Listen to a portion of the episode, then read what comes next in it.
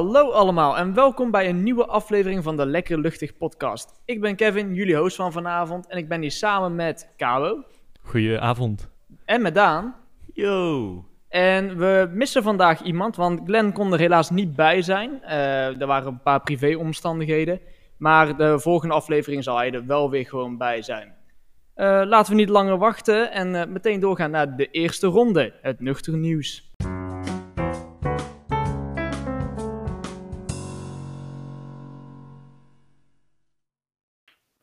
En eh, we beginnen dus met het nuchter nieuws, waarin we elke week een nieuwsfeitje zoeken eh, dat niet per se mainstream in het nieuws is geweest, maar eh, wat een beetje onder de radar is geschoten. En zoals ik al zei, is dat deze week uitgekozen door niemand minder dan Caro.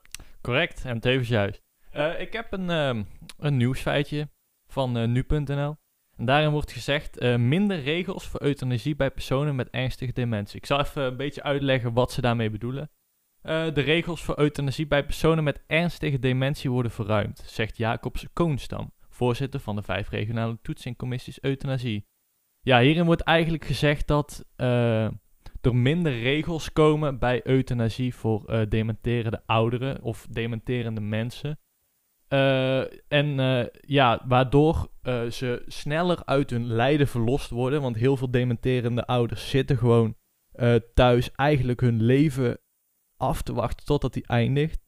En ik ben wel benieuwd wat jullie vinden. Of jullie zomaar eh, ja, euthanasie eh, mogen uitvoeren op mensen die eigenlijk, omdat ze dementerend zijn, niet kunnen beslissen of ze dat wel willen. En dan vraag ik eerst even aan Kevin, wat vind jij daar eigenlijk eh, van?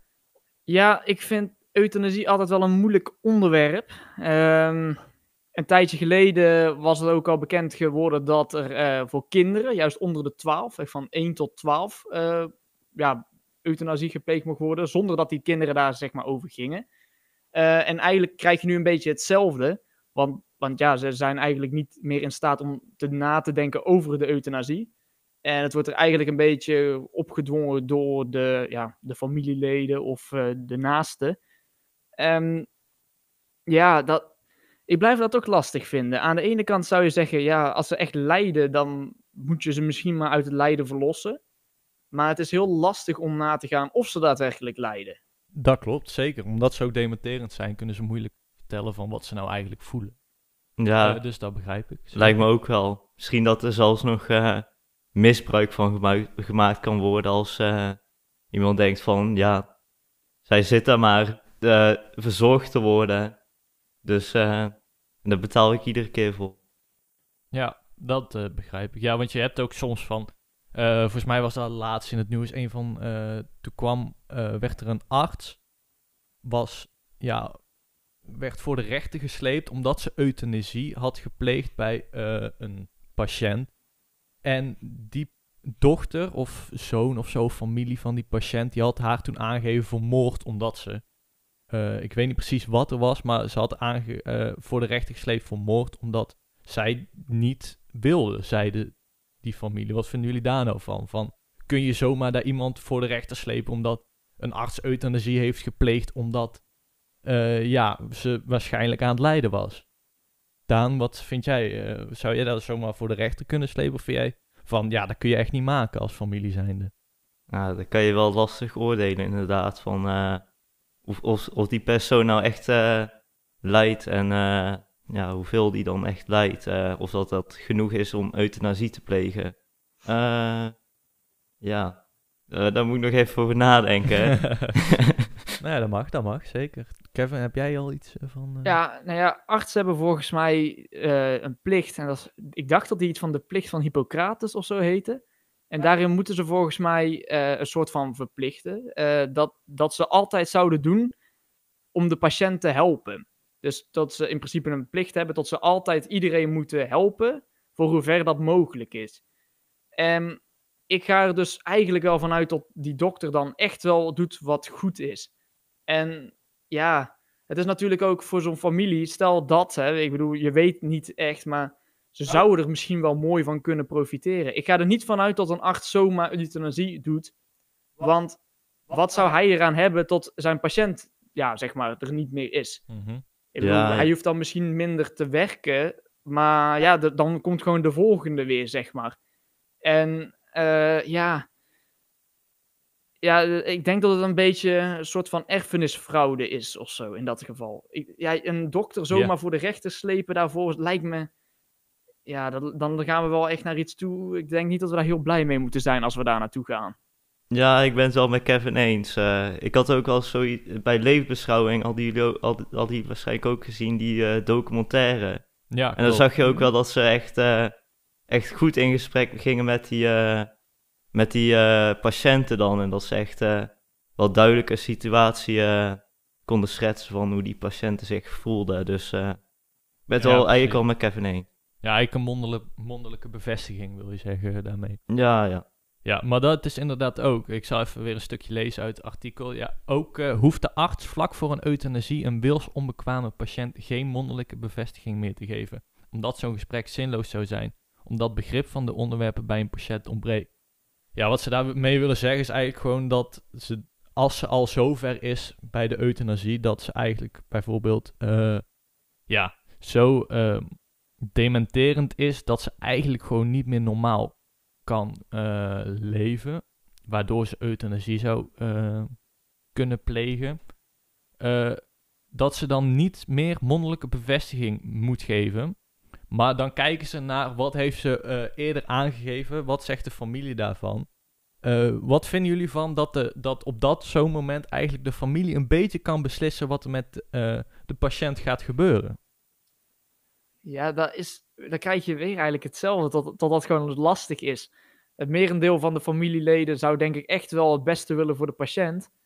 Maar ja, of ja, voor dan zeg maar misschien wel de oma, opa of noem het maar op. Ja, ja.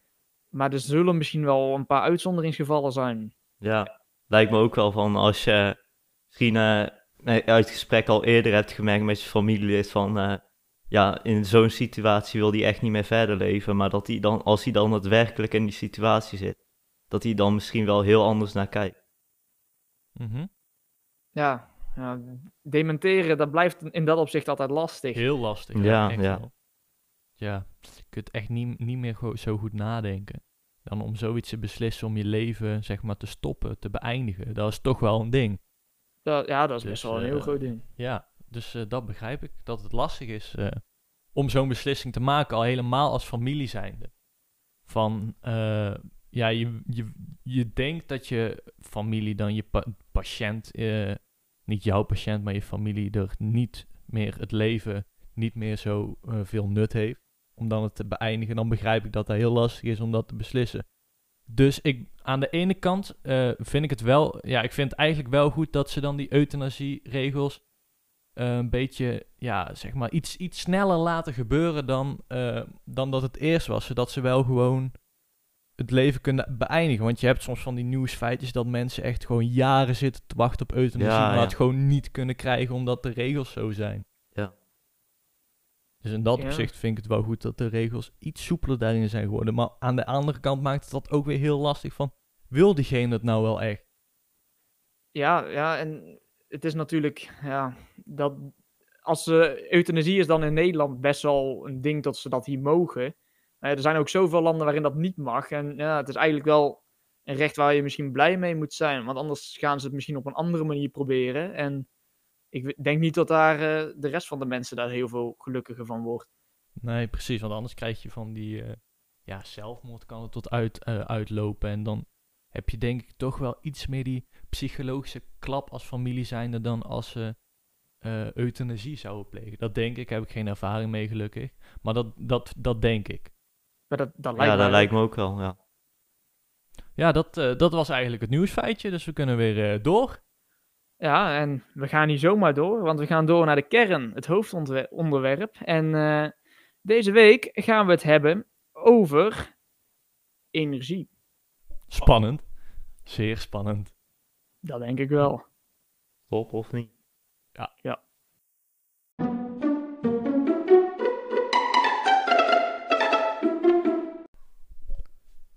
En dan zijn we aangekomen bij de harde kern van deze aflevering. En zoals ik net al even zei, gaat het dit keer over energie. En dan eigenlijk nog meer over het energie-neutraal zijn. Want ja, laten we heel eerlijk zijn. Het is tegenwoordig al best wel dagelijkse kost geworden dat we weer horen dat er een aardbeving is in Groningen. ja, laten we heel eerlijk zijn, eh, dat wordt nu tegenwoordig wel steeds vaker zichtbaar. En eh, ja, het komt ook in steeds meer programma's, hoor je gewoon terug dat het gaat over energie-neutraal zijn. En ja, nou kunnen we daar eh, onze mening over gaan geven. maar ik ben eigenlijk in eerste instantie is heel erg benieuwd of jullie iets doen om ja, een beetje energie-neutraal te zijn. Dus doe je iets waarmee je eigenlijk energie bespaart? Met vervoer of heb je thuis iets van zonnepanelen of zo? Daan? Uh, ja, wij hebben thuis wel zonnepanelen. Maar ik, dat is meer gewoon omdat het uh, veel geld oplevert. En ja, vervoer. Ik ga gewoon bijna altijd met de fiets. Want ja, ik vind het een beetje onzin om voor overal maar de auto voor te pakken. Dus daar ligt het ook meer aan. Ja, ik ga ook altijd met de trein naar school. Ik studeer in Tilburg, dus kan ik makkelijk met de trein naartoe. dat doe ik Vooral ook omdat ik dan niet met de auto hoef en dat het goedkoper is voor mijn uh, eigen portemonnee. Want als ik met de auto ga, dan uh, moet ik benzine betalen. En ik heb gewoon studenten-OV, dus het OV is voor mij gratis. Uh, thuis hebben wij op het dak zonnepanelen staan. Ik denk dat dat ook kijkend is naar de portemonnee. Maar natuurlijk in het achterhoofd nadenkend ook voor het milieu.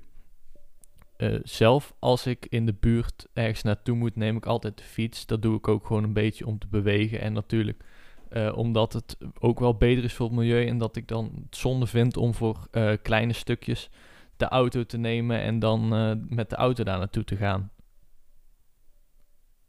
Ja, nou, dat is heel goed, jongens. Dank u. Ja, nou ja, nou is het dat ik ook studeer en ook gewoon over het algemeen daar naartoe ga met de trein. Nou, nou zijn treinen in Nederland toch best wel energie-neutraal ondertussen. Volgens mij op windenergie voor het grootste deel. Dus ja, in principe is dat best wel netjes. En een studenten-OV promoot dus eigenlijk wel een beetje dat je goed bent voor het milieu. Ja, zeker. En natuurlijk scheelt het ook uh, voor files uh, op de weg. Ja, dat scheelt. Maar ja, uiteindelijk scheelt dat dus ook weer voor het milieu. Want dat is best wel veel uitstoot die het scheelt. Mm -hmm. uh, ja, ja, verder ga ik uh, op de fiets naar stage. Dat is uh, alsnog twee keer in de week. Dus eigenlijk uh, nou, pak ik nooit de auto in dat opzicht. ja, ik denk, ik denk toch wel dat het... Ja, het is natuurlijk niet dat het wat wij doen zoveel scheelt misschien. Maar ja, we, zijn, wij zijn echt niet de enige die het zo doen. Nee, maar alle kleine beetjes helpen. Ja, dat denk ik toch wel. Zo is het ook weer. Ja, nou, dus nou hebben we een beetje een beeld van de hosts en hun energie-neutraliteit.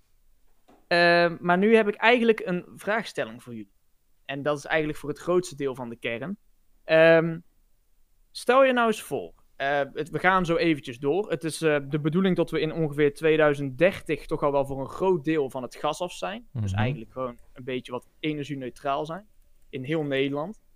Um, stel je nou eens voor dat jij ja, in Nederland de, de macht krijgt over het energieverbruik. Dus uh, jij mag gaan bepalen of je kerncentrales gaat zetten, of je juist gaat voor waterkracht, zon, zonnepanelen dan en uh, windmolens of biobrandstoffen. En uh, dan zijn er natuurlijk heel veel dingen waarbij je rekening moet houden. En omdat we deze podcast lekker luchtig willen houden, zou ik het wel interessant vinden als jullie dan bijvoorbeeld kijken naar werkgelegenheid, uh, eventueel hoeveel ruimte het om, ja, inneemt. Want ik bedoel, een zonnepaneel neemt net wat minder ruimte in dan een volledige kerncentrale. Ja, wel een beetje meer. En of je, ja, welke CO2-uitstoot daar dan een beetje bij hoort. Want ja, het ene stoot natuurlijk veel meer uit dan het andere. Ja. En ook of er het potentieel gevaar is. Hieruit laat ik eigenlijk een beetje de kosten die het, ja, die het gaat kosten.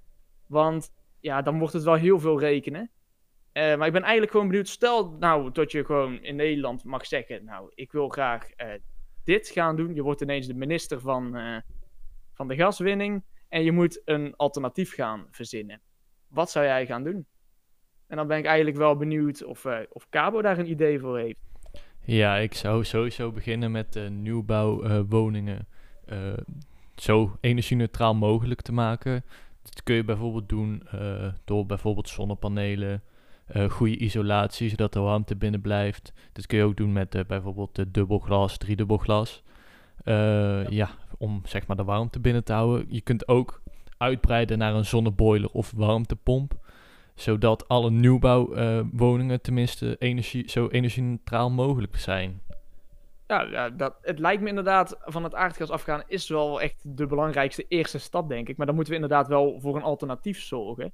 Ehm, ja, en van die, eh, van die energie-neutrale huizen, dus, dat staan volgens mij van die proeftuinen, dacht ik ergens eh, gehoord te hebben. Ja, er zijn een paar eh, testwijken geweest waar ze al van het gas af zijn als het goed is.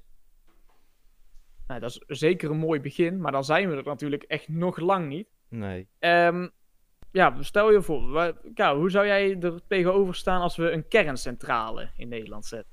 Ja, ik vind een kerncentrale in Nederland op zich wel een goed idee, want je krijgt natuurlijk veel energie eruit.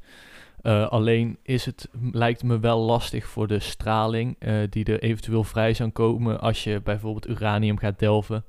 Eh, en natuurlijk het kernafval moeten we ook ergens kwijt. En waar zouden we dat dan kwijt kunnen in Nederland? Eh, wel vind ik het qua, want je hebt he- niet zo heel veel plek nodig voor de hoeveelheid energie. Dus dat lijkt me wel een goed idee.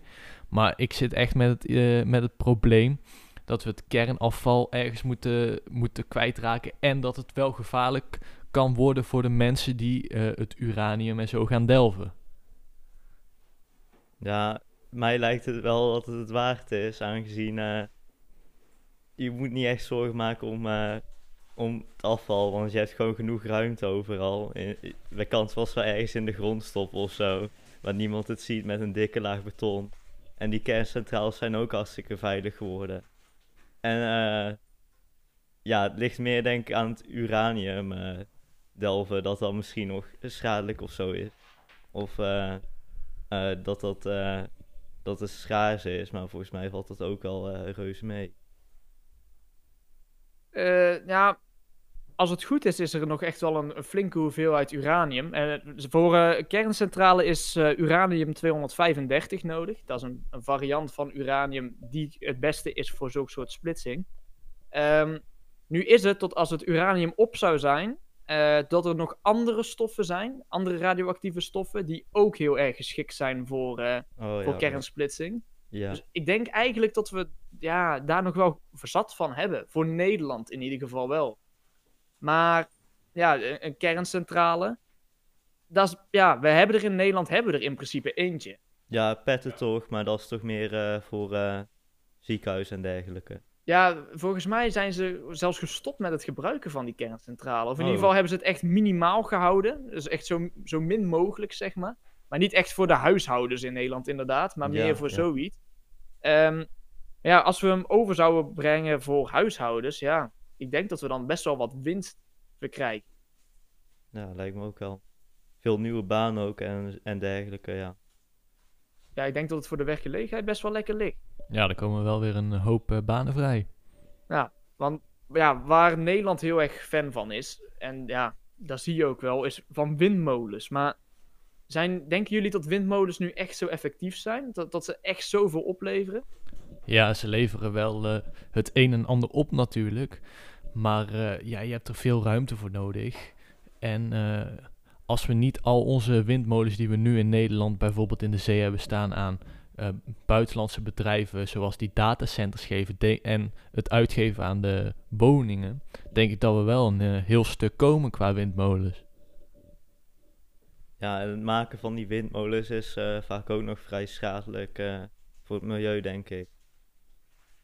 Ja, volgens mij is het inderdaad dat ze bij het maken best wel wat CO2 uitstoten. En dan duurt het ook best wel weer eventjes voordat je dat er zeg maar weer uit hebt. En natuurlijk is er ook wel een redelijk belangrijke factor bij windmolens. En dat is dat dan toch echt best wel moet waaien, wil je er wat krijgen. ja, klopt. Maar dat doet het wel in Nederland, toch? Ja, het gaat op zich wel, ja. Maar Vooral als je op de fiets zit. ja, dat wel. Of het fietspad of zo. weg naar school, dan denk ik dat je zo eh, een hele hoop wind hebt. Ja, ja, maar ja, e- even een vraag, hè. Hoeveel ruimte denken jullie dat windmolens innemen? Eén windmolen of meerdere? Eh, stel je zou eh, een windmolenparkje in willen, ja, willen neerzetten. Eh, ja, stel je hebt een windmolen of, ja, ik moet het maar eens even op, eh 36. Ehm, Oh. Ja, dat is best een flink park. Dat is een moeilijke. Eh, park Noorderwind is, eh, heet het. Eh, wij hebben het in Nederland, of ja, in ieder geval op de zee. En doe eens een gok. Eh, ik denk eh, rond, de, Hmm. rond de 30. 36. Eh, wat? Oh. Ja, in de buurt ietsjes minder. oh, ik had veel minder gedacht eigenlijk. Ehm, eh, ja, Noorder, ja dat, dat park waar ik het net over had, dat is eh, 27 vierkante kilometer. Hoppa. Voor zes, ja, dat is best netjes dichtbij. Netje. Want ehm, ik zal maar meteen eventjes eh, toelichten. Ehm, de andere hosts hebben nog niet echt iets opgezocht over energieneutraliteit. Nope. Maar ik heb hier een heel mooi boekje liggen en dat heb ik helemaal volgeschreven. Dus eh, ik denk dat ik best wel een, eh, een beeld heb van hoe we Nederland energie-neutraal kunnen gaan maken. En eh, daarom ben ik heel erg benieuwd naar wat de hosts nu zeggen, zodat ik daar zo meteen eens even kan kijken of dat ook daadwerkelijk klopt. Ja, of totaal niet. Ja, daarom. En eh, nou, ik heb hier nog eentje staan en dat is waterkrachtcentrales. Nederland is best wel plat. Denken jullie dat waterkracht enigszins effectief is in Nederland? Eh, ik denk dat het lastig wordt, omdat wat je zegt, het is plat. Dus eh er stroomt niet heel veel water. Dus eh, ik denk dat het wel meevalt hoeveel het gaat opbrengen hier in, eh, in Nederland. Nou, waterkracht als eh valt, getijdencentrales vallen daar ook gewoon onder, toch? Mhm. Ah, Oké, eh, ja, we hebben wel een redelijke kustlijn, dus eh kan misschien wel wat opleveren. Ja, en denken jullie dat er veel CO2-uitstoot is bij een waterkrachtcentrale? Ehm, dat is een goeie. Ik denk op zich dat dat, eh, dat, dat wel mee moet vallen. Ja, denk maar even na. Het Nou, is eigenlijk eh, een echt, gigantisch nee. rat waar water doorheen gaat. Dus denk je dat daar veel CO2-uitstoot bij vrijkomt? Ja, het zal als je het eh, zo zegt. Nou, ja. nou, ik ben dus even gaan zoeken. En inderdaad, voor die waterkrachtcentrale, natuurlijk, dat bouwen kost heel wat CO2. Maar er komt eigenlijk best wel veel CO2 vrij, omdat eh, ja, je hebt zo'n zo'n centrale. En vaak zit daaraan een stuwmeer. Dus het, daar wordt al water een beetje in opgeslagen. En dan komt dat vanzelf, gaat dat door die centrale heen en dan werkt het stroom. Eh, in dat stuwmeer zitten allerlei planten. En die planten, die ja, zitten daar gewoon een beetje in dat water. Op zich niet zo heel erg. Alleen die planten die rotten, omdat dat water daar blijkbaar zo lang ligt. En ik moet zeggen, tot het mij ook verbaasde toen ik het heb opgezocht. Maar blijkbaar stoten die planten zo gigantisch veel CO2 uit, omdat ze aan het rotten zijn, dat daardoor eigenlijk gewoon de complete effectiviteit van de waterkrachtcentrale, in ieder geval als hij zo'n gigantisch stuwmeer heeft, wel een beetje ja, weggenomen wordt. Ja, nu hebben we in Nederland niet echt zoveel stuwmeren in dat opzicht. Maar ja, stel dat we die zouden gaan aanleggen om zo te zorgen voor, eh, ja, voor, voor wat energie-neutraler te zijn. Dan denk ik niet dat een waterkrachtcentrale dan eigenlijk het meest effectief is. Nee, maar scheelt het dan echt veel eh, als je een watercentrale bouwt dan zonder? Eh, het scheelt wel wat, ja. Want dat, ja, die planten die daarin liggen, en als het water een beetje blijft stromen, zeg maar, dus niet echt wordt opgeslagen, eh, dan loopt het wat lekkerder door en dan verrot het minder snel. Maar dan heb je weer wat minder opbrengst. Ah. Omdat het water continu door blijft lopen, ja, komt wat minder druk op en zo. En dan krijg je toch net wat minder, eh, ja, wat minder rendement eruit, zeg maar.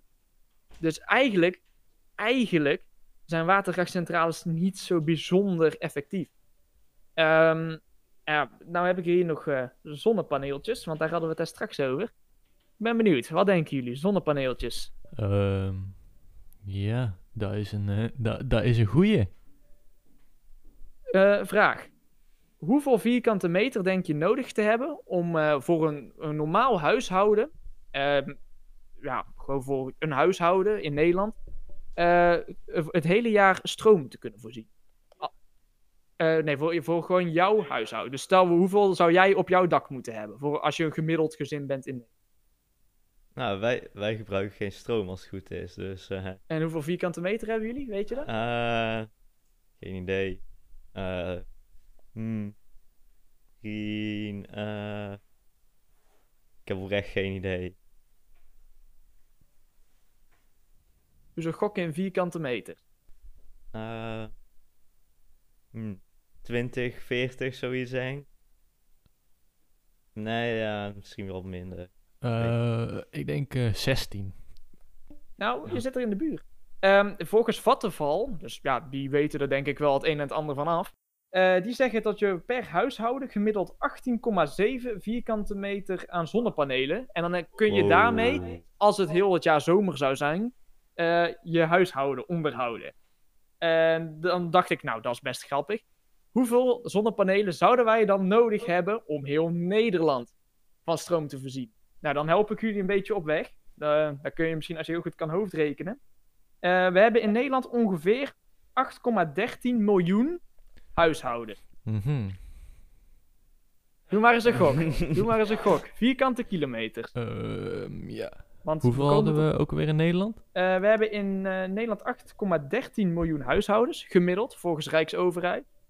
Um, en uh, hoeveel ja, vierkante kilometer aan zonnepanelen hebben wij nodig voor heel Nederland, als het heel het jaar zomer zou zijn? Um, ja, dat is een goeie. Doe maar eens een gok. Uh, flink aan het nadenken. Um, vierkante kilometer ja, ja, was het. Vierkante kilometer. Um, ja, dat is een goeie. Heb jij het al berekend, uh, Daan? Nee, jongens, echt veel te veel moeite, man. Ja, doe eens een gok. Dan wil je een antwoord, heren? Um, hmm. uh, heel veel. Ja, het zijn er inderdaad heel veel. Uh, zou het meer dan 100 vierkante kilometer zijn? Ja. ja? Zou het meer dan 130 vierkante kilometer zijn? Uh, ik denk een klein uh, beetje meer. Beetje meer? Denk jij meer of minder? Net iets meer, denk ik. Geen idee. Ja, nou, um, het is misschien wel leuk om te weten dat de oppervlakte van Nederland 41,543 vierkante kilometer is.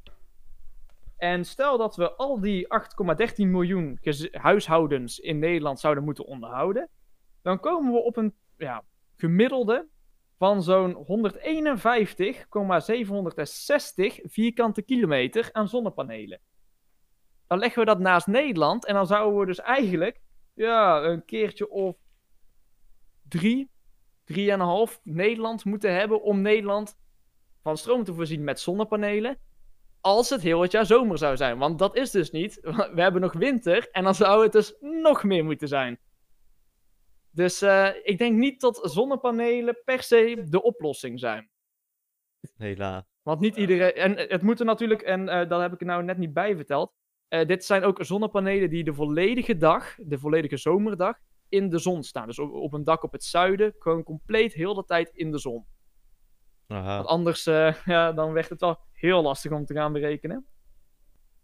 Um, ja, dan had ik uh, eens even kijken. Dan heb ik hier nog biobrandstof. Want dat is ook nog wel eens een interessante. Zeker, ook interessant. Ja. Want uh, je hebt biobrandstof. Nou ja, uh, voor degenen die het niet weten, je verbrandt eigenlijk het een en het ander. En zo kom je aan stroom. Um, ja, je, je moet natuurlijk dan rekening houden met dat je die centrale nodig hebt, waar je die, uh, die biobrandstof gaat maken en verbrandt. Maar er komt natuurlijk ook weer wat meer bij kijken, want je hebt natuurlijk ook wel plek nodig waar je aan, aan de materialen die je gaat verbranden komt. Ja. Um, ja, nou is er over biobrandstof eigenlijk in dat opzicht redelijk weinig te vinden. Ze hebben wel ja, het een en het ander aan cijfers. En als je heel goed blijft zoeken, dan komen we er misschien wel. Maar ja, in principe hebben we in Nederland zoveel ruimte nodig om aan die, uh, aan die bossen te komen die we kunnen verbranden, zeg maar. Dat de CO2-uitstoot daarvan ja, allicht zal verdubbelen. Dus wat we nu hebben, zou dan verdubbelen om aan die stroom te komen. Ja, en die verdubbeling van CO2 is ook niet uh, heel positief, nee. Nee, CO2-uitstoot is zeker niet goed. Maar het zou wel een oplossing zijn om van het gas af te gaan. Maar ja, met, als we zo uh, zouden gaan stoken, dan denk ik dat we binnen no time uh, ja, een overstromingje hebben. Denk ja, ik. dan kunnen we beter Groningen even laten trillen. Ja, ja, ik denk dat je in dit geval dan misschien beter uh, nog op het gas kan blijven dan aan biobrandstof beginnen. Want ja, zo heel mooi is het dan toch achteraf niet. Nee. En ja, als je gaat kijken naar windmolens. Uh, ik heb ook nog even uitgerekend trouwens. We hadden net uh, die 36 molens, dat is ongeveer 27 kilometer. stel we zouden heel Nederland willen doen, dan komen we eigenlijk uit op zo'n eh 3049 vierkante kilometer. Zo. En eigenlijk viel me dat nog best wel mee, moet ik zeggen. Ik had eigenlijk nog wel meer verwacht. Vooral als je zo, ik had ook eerst de zonnepanelen uitgerekend. En eh, ja, ik moet zeggen dat ik dat al best wel komisch vond. En eh, dat we dan naar windmolens. En dat vond ik dan nog wel meevallen. Alleen, eh, ik heb ook gekeken naar hoe gevaarlijk de verschillende energiebronnen zouden kunnen zijn voor mensen. En nou ja, een waterkrachtcentrale is voor een mens niet zo heel gevaarlijk. Het enige wat je eigenlijk ervan kan doen is eraf vallen. Eh, en dat is dan weer geen pretje. Zou toch lullig zijn, ja. Ja. Eh, zonnepanelen zijn over het algemeen ook niet zo heel erg gevaarlijk. Want eh, ja, Ja, of je moet eh, vallen tijdens het bevestigen ervan. ja, dat zou Ja, kunnen, ja. maar dan is het nog niet eens echt de schuld van het zonnepaneel. De biobrandstoffen zijn, ja, die zijn al wel ietsjes gevaarlijker. Eh, want ja, je bent alsnog aan het spelen met vuur. Dus dat kan escaleren. Eh, over het algemeen is het wel goed beveiligd. Maar ja, er hoeft maar één ongelukje te gebeuren. En er werken best wel wat mensen in zo'n eh, centrale. Dus dan heb je ook al wel iets aan je broek hangen. Mhm. En dan heb je de kerncentrale, die heeft dan het gevaar, ja, eigenlijk best wel groot. Ondanks dat het zo goed beveiligd wordt, blijft het risico toch wel groot. En daarom is Nederland ook eigenlijk niet zo'n fan van kerncentrales. Maar dan heb je nog die windmolens. Want voor mensen zijn windmolens eigenlijk niet zo heel gevaarlijk. Maar wel voor de vogels. Ja, want inderdaad voor dieren zoals vogels, vleermuizen, ja, noem het eigenlijk maar op, is het eigenlijk juist een van de grootste doodsoorzaken. Mhm. Hm. En dan moet je weer eens nagaan. Is dat, ja, is dat het waard? Ja, nou denk ik niet dat boven de zee heel veel vleermuizen hangen. Vogels wel iets meer. Ja, en dan moet je weer eens nagaan. Is dat het waard? Want ja, al die dode dieren, ja, is ook niet echt zo heel erg handig als jij energie-neutraal door het leven wil gaan. Ja, eh, dat is dus. ehm, we willen energie-neutraal zijn om het milieu te gaan beschermen. Maar de manieren waarop we energie-neutraal kunnen zijn, zijn eigenlijk niet zo heel goed voor het milieu. Dus eigenlijk, om heel eerlijk te zijn, denk ik niet dat wij met de huidige middelen Nederland energie-neutraal kunnen gaan maken. Ik denk dat het gewoon te lastig is om nu te zeggen met de spullen die we nu hebben, dat het, dat we kunnen gewoon niet energie-neutraal zijn nu. Nee, 100% sowieso niet, nee. Hmm. Want we kunnen wel kerncentrales gaan zetten, maar ja, dat hoeft maar één keer fout te gaan. En dan eh, ja, hoeft Nederland in ieder geval niet meer energie-neutraal te zijn. We kunnen wel overal zonnepanelen, maar dan zullen we ja, nog drie Nederlanden op Nederland moeten gaan zetten. Die niet in elkaar zon staan natuurlijk.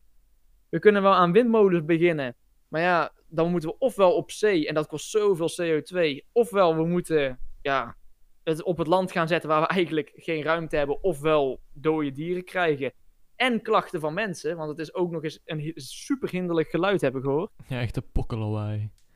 En ja, biobrandstof, dat maakt het eigenlijk nog erger dan het al is. Ja. Dus eigenlijk is de conclusie van, kan de Lekker Luchtig podcast zorgen dat Nederland energie-neutraal is? Ik ben bang dat wij dat niet kunnen nu. Nee, helaas niet, maar we kunnen natuurlijk wel allemaal ons eh, beste beentje voorzetten voor het milieu. Ja. Dus eh, ik denk toch dat een, eh, een betere wereld begint bij jezelf, beste luisteraars. En ik denk dat dat een mooie afsluiting is van, van dit stukje van de aflevering. En dan is er eigenlijk nog maar één ding dat ons rest. En dat is het drastische dilemma.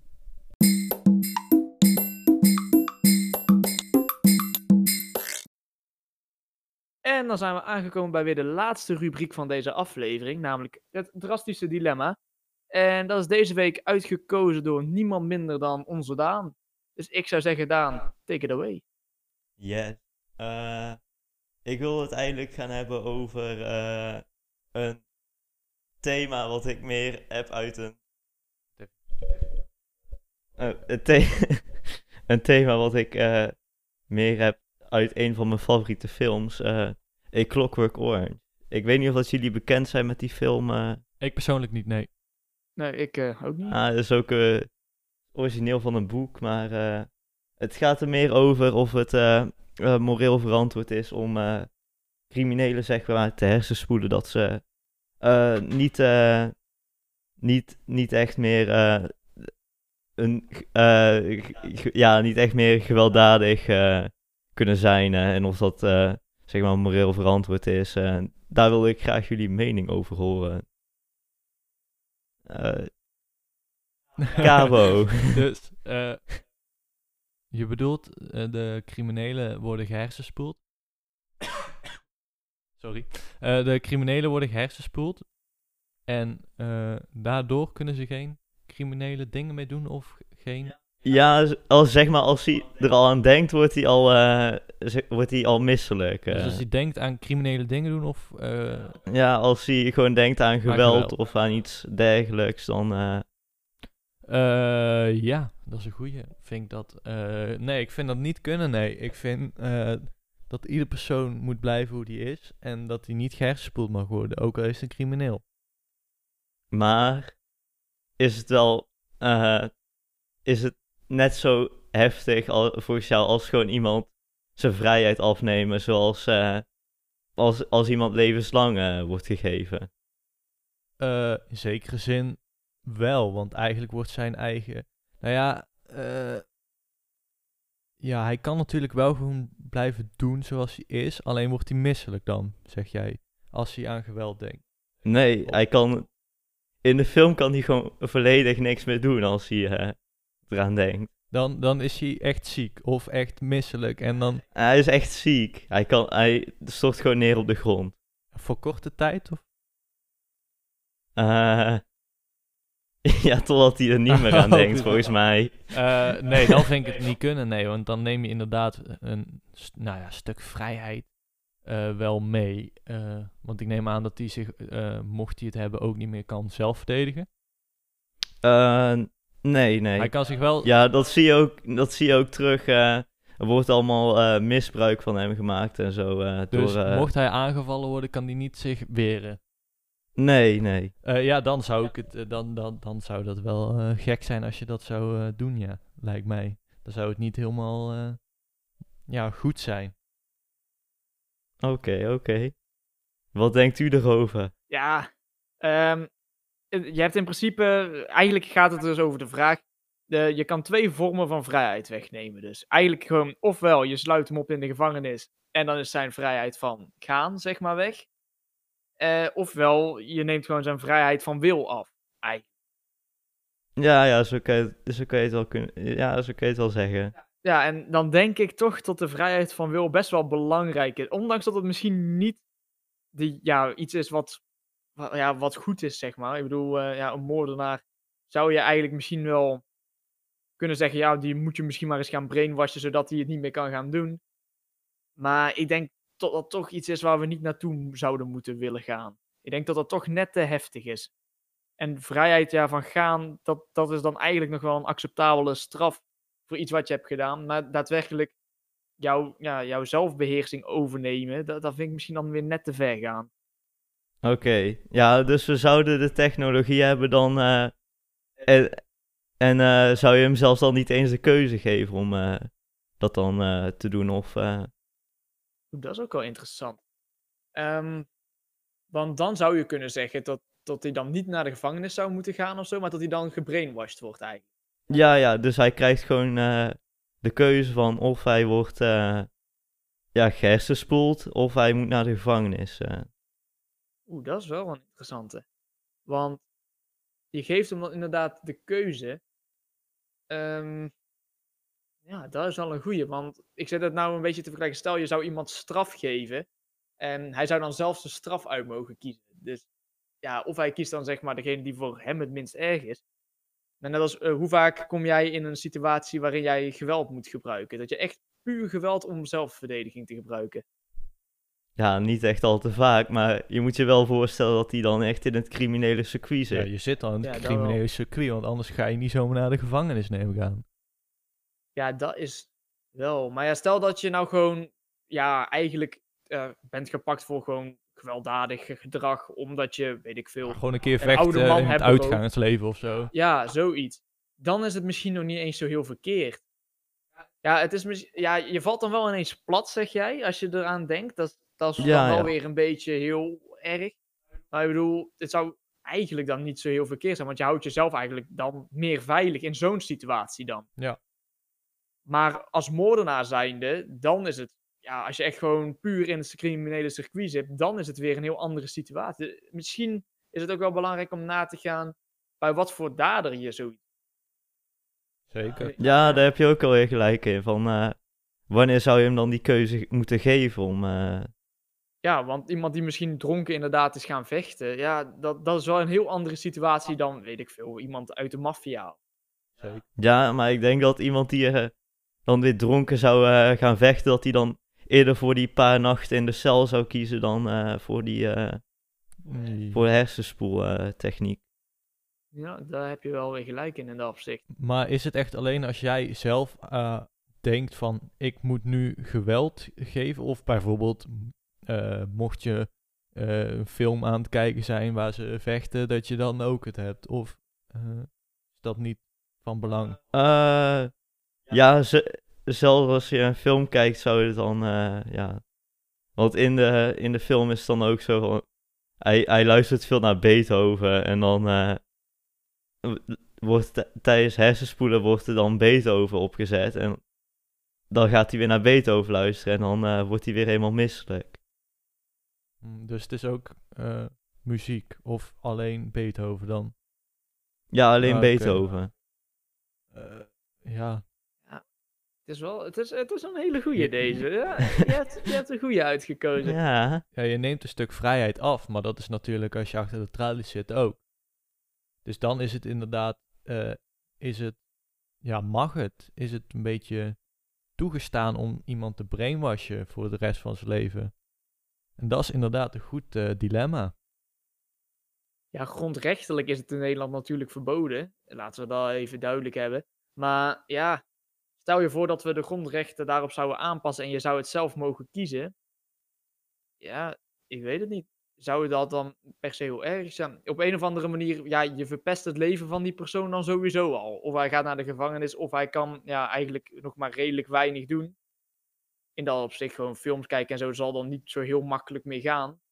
ja. Ehm, ja, misschien is het, het zijn beide, denk ik, straffen waar je echt wel mee zit. Ja, Ja, misschien dat hij dan ook nog, eh, als hij eh gehersenspoeld wordt, dat hij dan nog eh, ook semi-nuttig kan zijn voor onze maatschappij.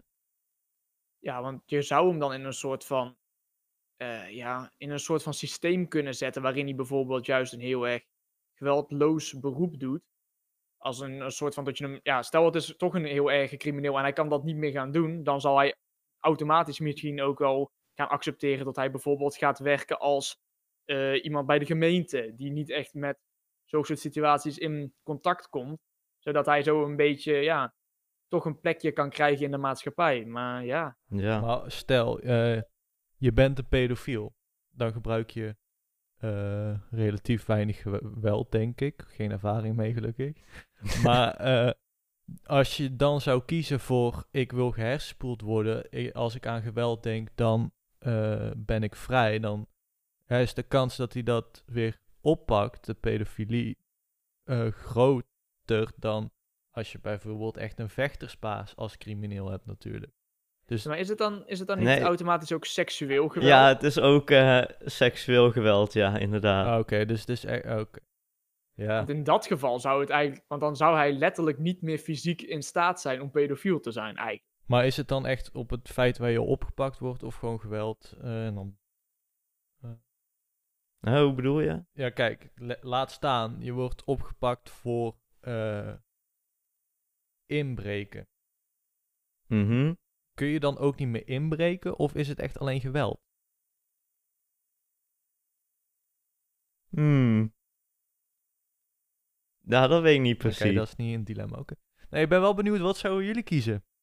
Mochten jullie eh laat staan, eh, ja, 50 jaar zitten of eh gehersenspoeld worden?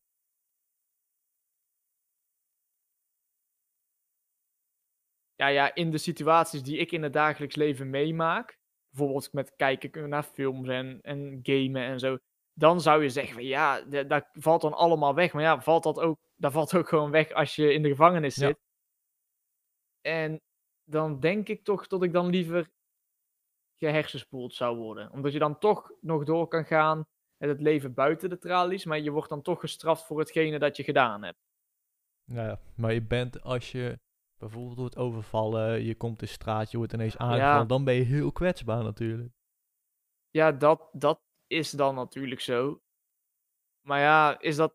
Ja, als je in de gevangenis zit en ze denken daar ineens met een hele gang van we zullen hem eens even aanpakken. Ja, Dan denk ik ook dat je datzelfde probleem hebt. Dus ja, ligt er een beetje aan waar je voor zou moeten zitten, denk ik. ja. En hoe lang. Dat, dat heeft er allemaal wel mee te maken.